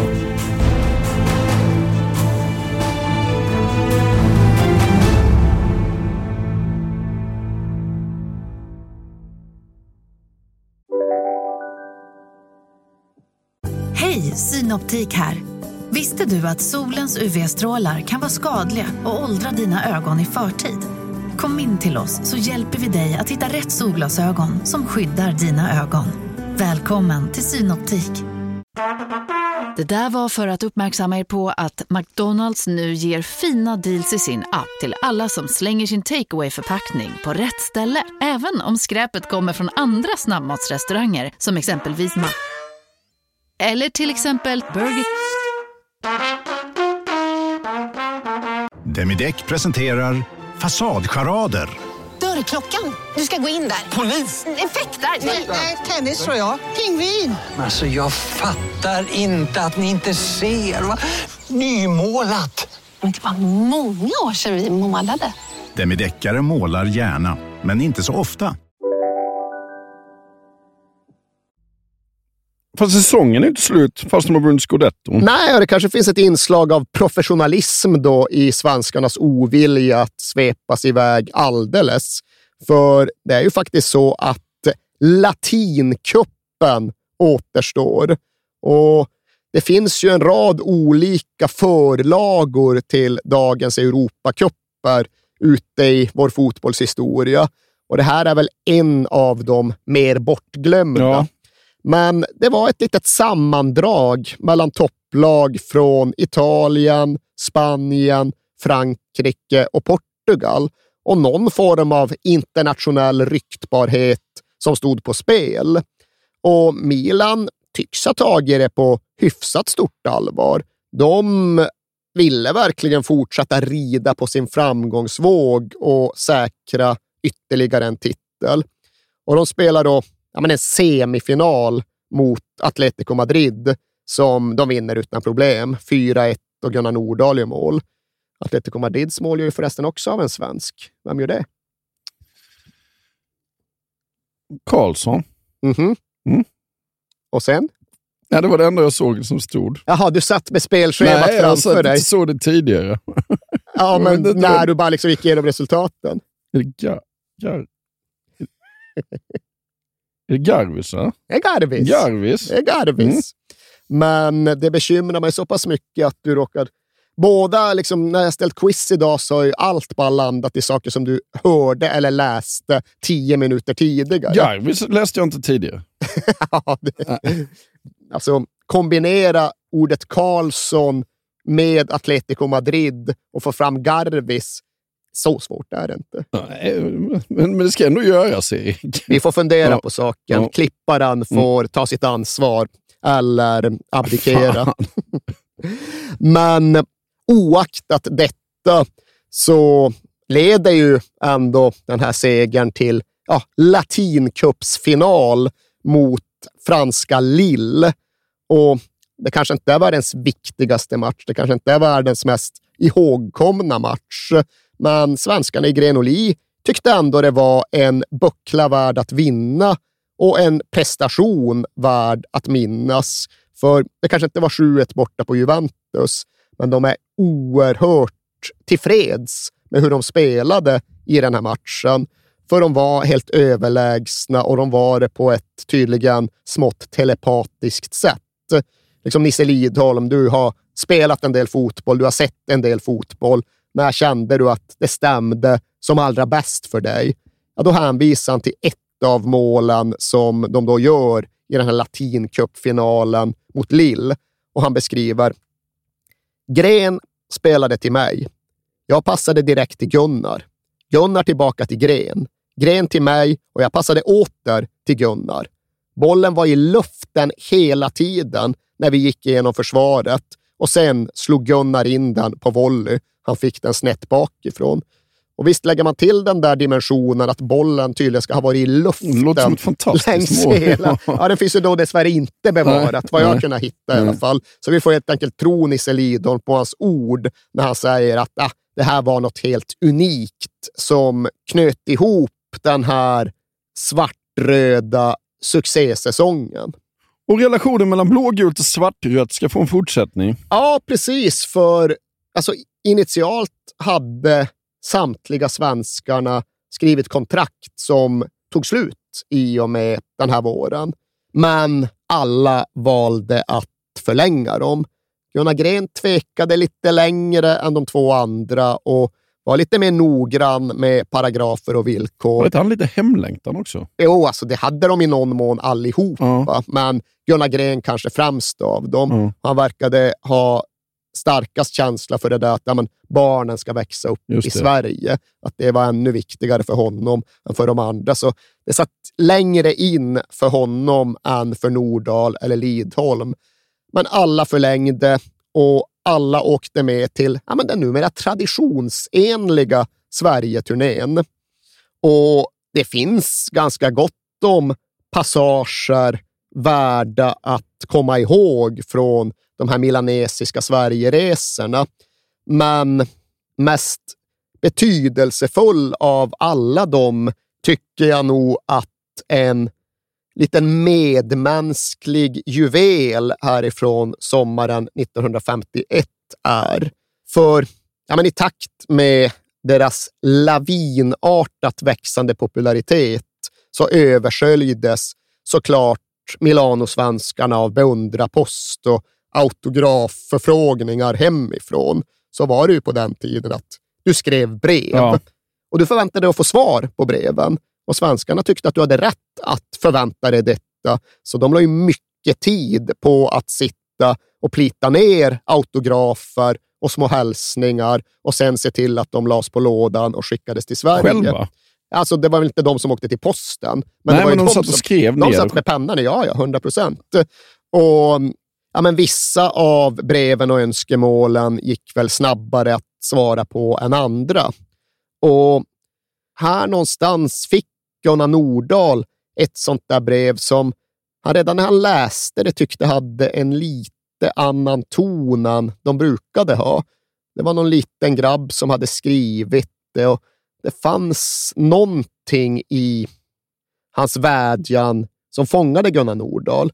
Och sen märkte han att okay, det låg en till liten lapp i det här kuvertet. Och då hade då den här pojkens mamma bifogat några rader om hur pojken, Uno Sandqvist, led av en allvarlig blodsjukdom och låg inlagd på sjukhus och förklarade att ja, det vore såklart extra värdefullt för oss och för honom om du hade någon möjlighet att ta dig tid och skicka den här autografen.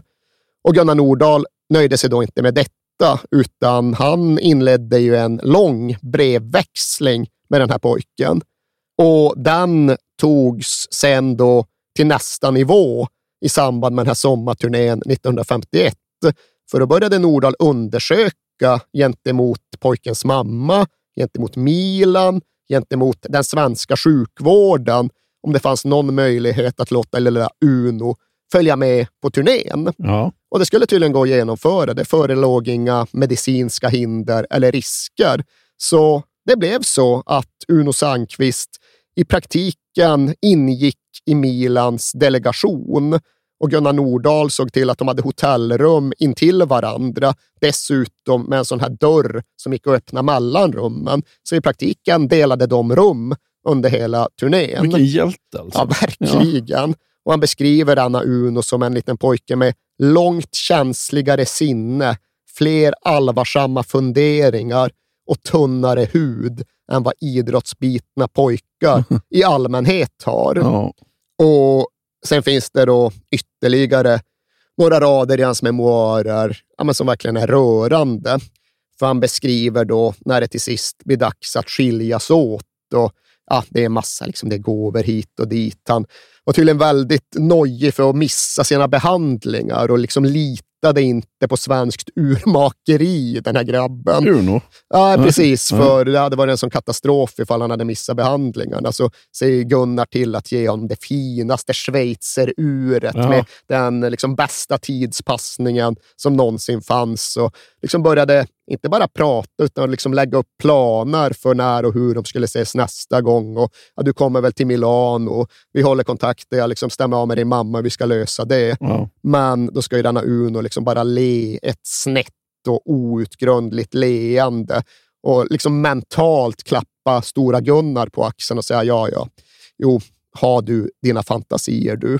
Och sen så går han ju bort bara några månader oh. senare, denna Uno, och visste naturligtvis att detta skulle ske. Oh. Men ja, utan något behov av att göra en poäng om liksom dagens världsfrånvända fotbollsstjärnor så kan vi väl bara liksom plussa Gunnar för ja, men en jävla humanitär ansträngning ja. som inte alla i hans position skulle ha gjort vare sig nu eller då. Men väldigt mycket från den här tiden var ju väldigt mycket finare och oskuldsfullare. Ja, men du vill ju leva på 1950-talet. Ja, jag, jag, är inte så säker på att jag vill. Fan, du hör ju själv. jo, ja. jo, jo.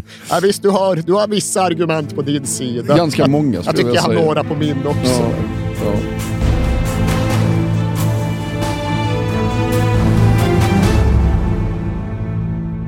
Men dags för ny säsong. Dags för ny säsong och ett ja, men lite nytt läge i och med att Milan nu är regerande mästare. Milan är laget att slå och laget att anpassa sig efter. För det krävdes väl ingen extremt detaljerad närstudie för att förstå ungefär vad som var Milans största styrkor. Och därifrån kom ju sen tanken på ja, men hur man skulle agera för att neutralisera dem.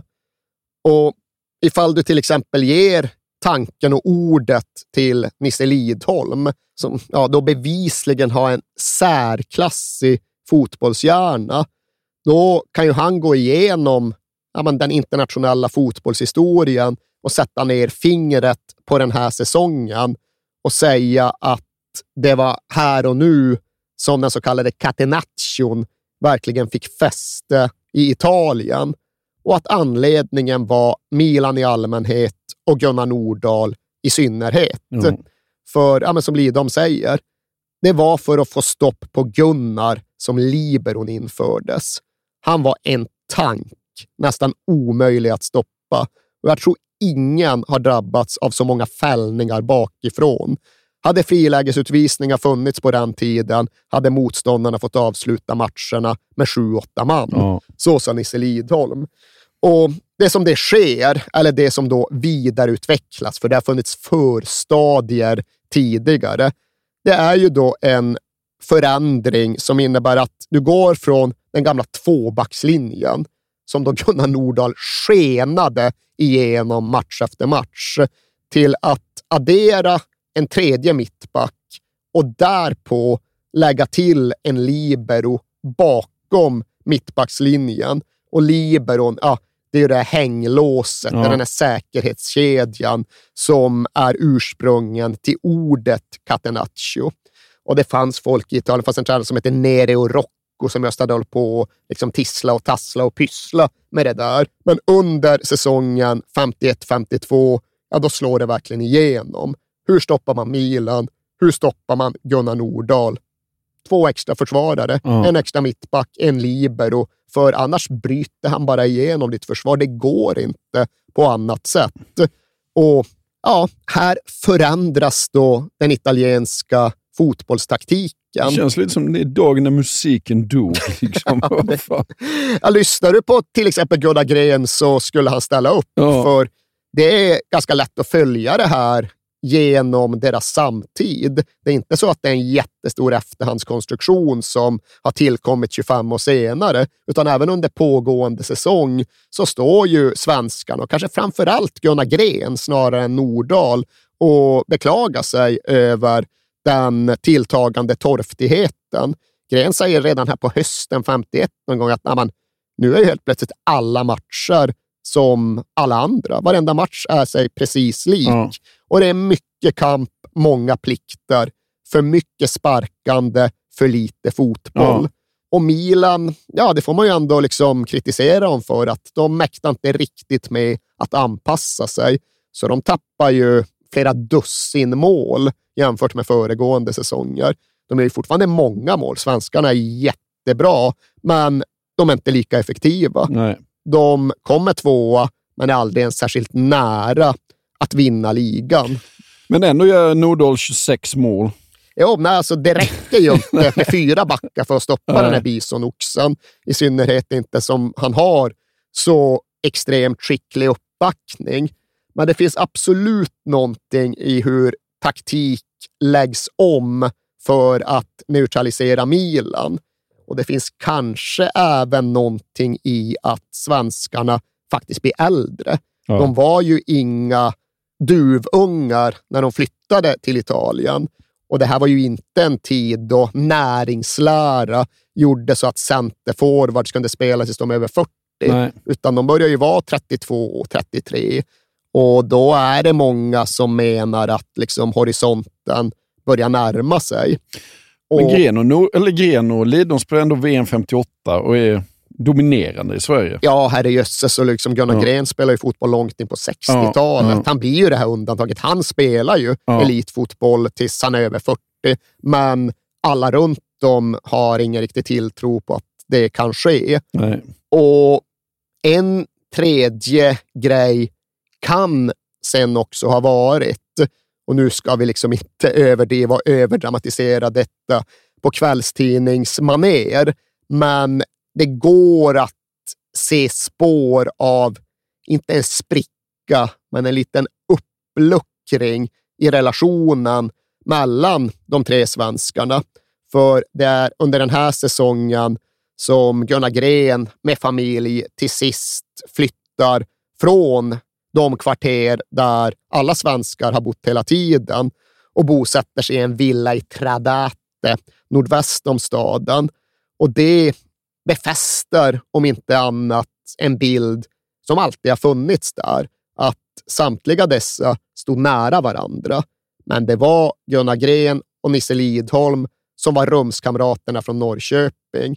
Och det var Lajos Seisler som var tränaren från Norrköping. Ja. Och ifall det fanns någon som kom lite från sidan så var det Gunnar Gren. Ja. Och ifall det fanns en tendens att han höll sig lite mer på sin kant, då förstärktes den under den här säsongen. För det var inte heller bara flytten. Det var också det att ja, men den första av alla dessa memoarböcker som jag hänvisar till publicerades. Eller ja, det är ju för sig inte helt sant. Gunnar Gren hade redan hunnit publicera en självbiografi. Nu kommer han med en till. Ja. Och det här är då boken Med Grenoli i Italien. Ja. Jag gillar den boken, jag har haft mycket nytta av den. Ja. Men det fanns något i att Nordahl och Lidholm tydligen inte var tillfrågade, tydligen inte var invigda i vare sig planerna eller innehållet. Det måste vara jättekänsligt. Ju. Ja, ifall Ja. du ska vara en kvällstidningschef så Nej, var men det vad, kanske äh, vad fan. Du, allting avslöjas liksom. Det är ju nu inte så att det är en skandalbok vi publicerar. Vi får inte liksom Nisse Lidholms mörkaste hemligheter serverade. Det är en ganska harmlös bok. Jo, jo. Det kan jag verkligen intyga. Men man kan ändå förankra den. Man kan förankra den Ja. och jag tror att det är rättvist att säga att det blev ett lite tydligare avstånd mellan de olika svenskarna och det är inget konstigt med det. Liksom, alla relationer kommer ju och går lite i cykler och har du levt med någon väldigt intensivt ett tag, då är det ganska vanligt att relationen försvagas några år därefter och så Ja. vidare. Men segrarna skriver historien och Milan vann ingenting 1951-52 och då blev det fler som försökte hitta förklaringar till ett litet misslyckande och då gick det att få fatt i den typen av förklaringar. De skulle få en sista säsong tillsammans. Men, ja, vad var det du sa? Det var, då hade musiken redan dött. Ja. Lite så var det och mer så blev det med tanke på att Lajos Scheisler, liksom tränaren bakom det svenskanpassade spelsättet, nu fick erbjudande om att bli förbundskapten för Italien. Och ja, det var ju ett väldigt fint erbjudande som han valde att acceptera. Och det var väl då en sak att Scheisler försvann, men den som sen tog över var en herre som hette Mario Sperone och han ville liksom inte göra det Scheisler hade pratat om. Att okej, nu ska vi möta den här nya italienska defensiven med ännu mer offensiv. Nej. Utan han var ju mer inne på att ja, det är nog dags att anpassa sig till den verkligheten och liksom lära oss att spela den nya typen av fotboll. Så ännu mer defensivt spelsätt, ännu mindre svensk utrymme och till sist faktiskt även ännu sämre resultat. Och okej, Milan kommer trea. Det kan man ju tycka, det är inte jättedåligt. Nej. men så som det har varit nu i några år finns det bara tre topplag i Italien. Och hamnar du då efter både mästarna Inter och Juventus, ja, då är du sist i ett trelagsrace. I den mån någon sökte ytterligare förklaringar och i den mån någon ville hitta dramatik kring svenskar som kanske var på lite fysisk nedgång, ja, då behövde de inte anstränga sig lika hårt detta år. För i derbyt mellan Milan och Inter i början av mars 53, ja, ett derby som även slutar 0-0 då snarare än 6-5. Ja, I det derbyt får Gunnar Gren en armbåge i huvudet från en Interspelare som heter Blason och den armbågen tar illa. När Gren väl kommer till sjukhuset, och det går ju snabbt, Ja. då tror läkarna att han har fått en hjärnblödning och han är så medvetslös i någon form av komalikt tillstånd i nio timmar. och information röjs inte så snabbt på den här tiden, så folk befarar att han har dött. Ja. Och det samlas mängder av människor som på katolskt sätt ber i trappan upp mot sjukhuset för Gunnar Grens liv. Och efter något dygn stod det väl i alla fall klart att ja, han skulle inte dö, men för den sakens skull såg det inte bra ut. Och det gick några dagar tills, ja, jag tror det var en 11 mars, då ändå den stora rubriken i Grens egen hemstadstidning GP löd Gren slutar med fotbollen. Ja. För då hade rapporterna gjort gällande att ja, men, han var delvis förlamad, kunde inte röra vänster arm eller liksom kunde inte öppna vänster öga. Det var, sto- ja, det var ju stora Ja, problem. ja. Det var bara att konstatera. Men ja, otroligt nog så är han faktiskt tillbaka i spel efter en månad Jaha. och kan ju fortsätta sin karriär. Och Den karriären ska fortsätta under lång tid, men den ska inte längre fortsätta i Milan. För Gren har ju ja, men på flera olika sätt framstått som den liksom mest tvivlande och mest tvekande av de tre svenskarna. Och när nu kontrakten än en gång går ut så är han den som är mest intresserad av att lyssna och jämföra och sondera. Och det där med en hemflytt till Göteborg, ja, det ligger ju väldigt nära. Ja. Det är någonstans första alternativet. Men sen visar det väl sig att de andra intressenterna, att till hans förvåning, är så många och så stora att det än en gång är för svårt att säga nej. Och ja, alltså, den stora fisken är den största av dem alla. Det är den vita hajen eller den vita valen. Real Madrid går ju in aktivt Ja. och tungt Stefano, ja, genom. Di Stefano själv för att liksom personligen knyta till sig både Gren och Lidholm. Jag vet fan vad Di Stefano hade emot Gunnar Nordahl egentligen. Man kanske tyckte att han opererade på hans ytor.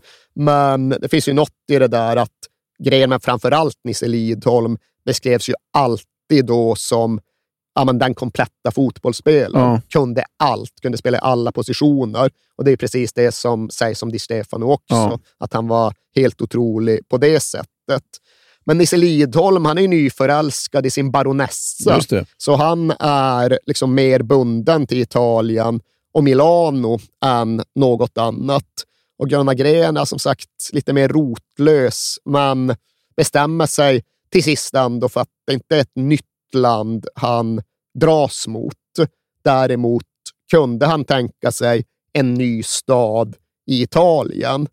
Banden som knöt honom till Milan och till svensk samvaron, ja, de hade försvagats lite med åren.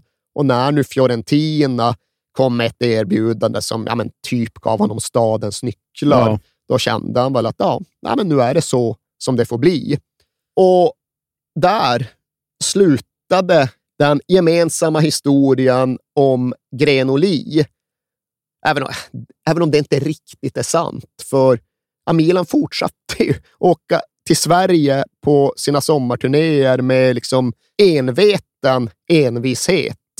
Och det var ju lite lösare och ledigare klubbar emellan på 50-talet än idag.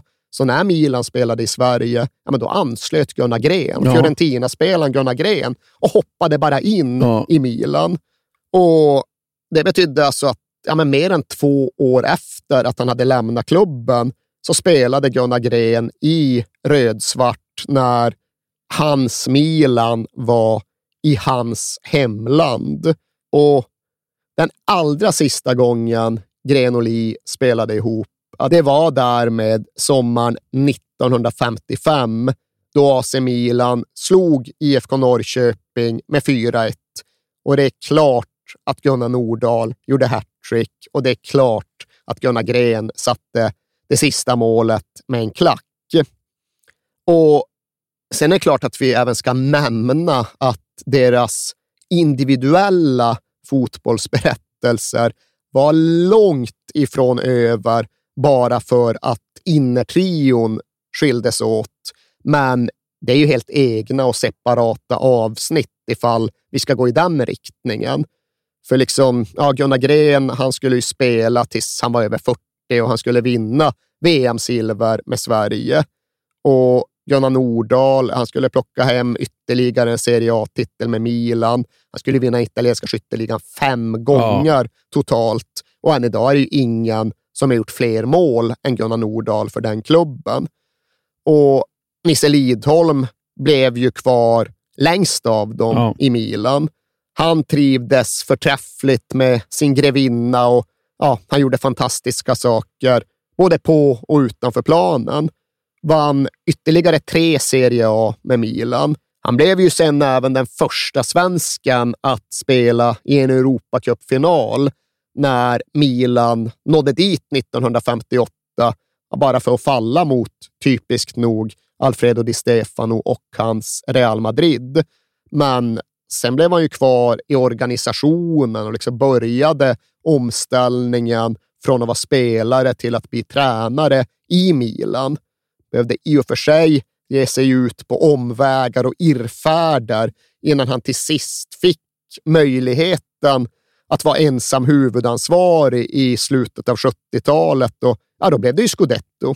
Ja. Det blev det som bekant sen även i Roma där det blev en ny Europacupfinal från andra sidan av sidlinjen. Och, ja, ni hör ju själva, det finns extremt mycket mer material i de här fantastiska fotbollsmännens respektive liv. Men nu har vi ju pratat om deras gemensamma resa och deras gemensamma bedrifter och för den delen deras gemensamma statistik som ju är ja, men rätt otrolig. För om jag inte har räknat fel så gjorde de 121 matcher tillsammans i den italienska högsta ligan. På dessa 121 matcher så gör de alltså 181 mål. Ja. Och ja, Det är ju nästan ett och ett halvt mål per match som du då garanterades vecka efter vecka efter vecka ifall du ställde den här speciella svenska innertrion på plan. Och de fick ju Italien och Europa att få upp ögonen för, att börja beundra, att faktiskt till och med börja se upp till den svenska fotbollen. Och det var ju någonting alldeles storslaget. Men här hemifrån, från vår horisont, så vill jag nog ändå påstå att de var ännu viktigare som upptäcktsfarande och vägvisare. För vi är många som på ett eller annat sätt har insett hur fantastiskt det är att upptäcka världen genom fotboll. Men vi hade aldrig fått den möjligheten ifall inte någon, någon gång, någonstans hade gått längst framme i täten och brutit ny mark. Och vi kan såklart diskutera ifall Gunnar Gren, Gunnar Nordahl och Nisse Lidholm är allra störst. Men det som för alltid är fastslaget ja, det är i alla fall att de var allra först. Gå med mig Bakom skuggor ser du solen Och när du tvivlar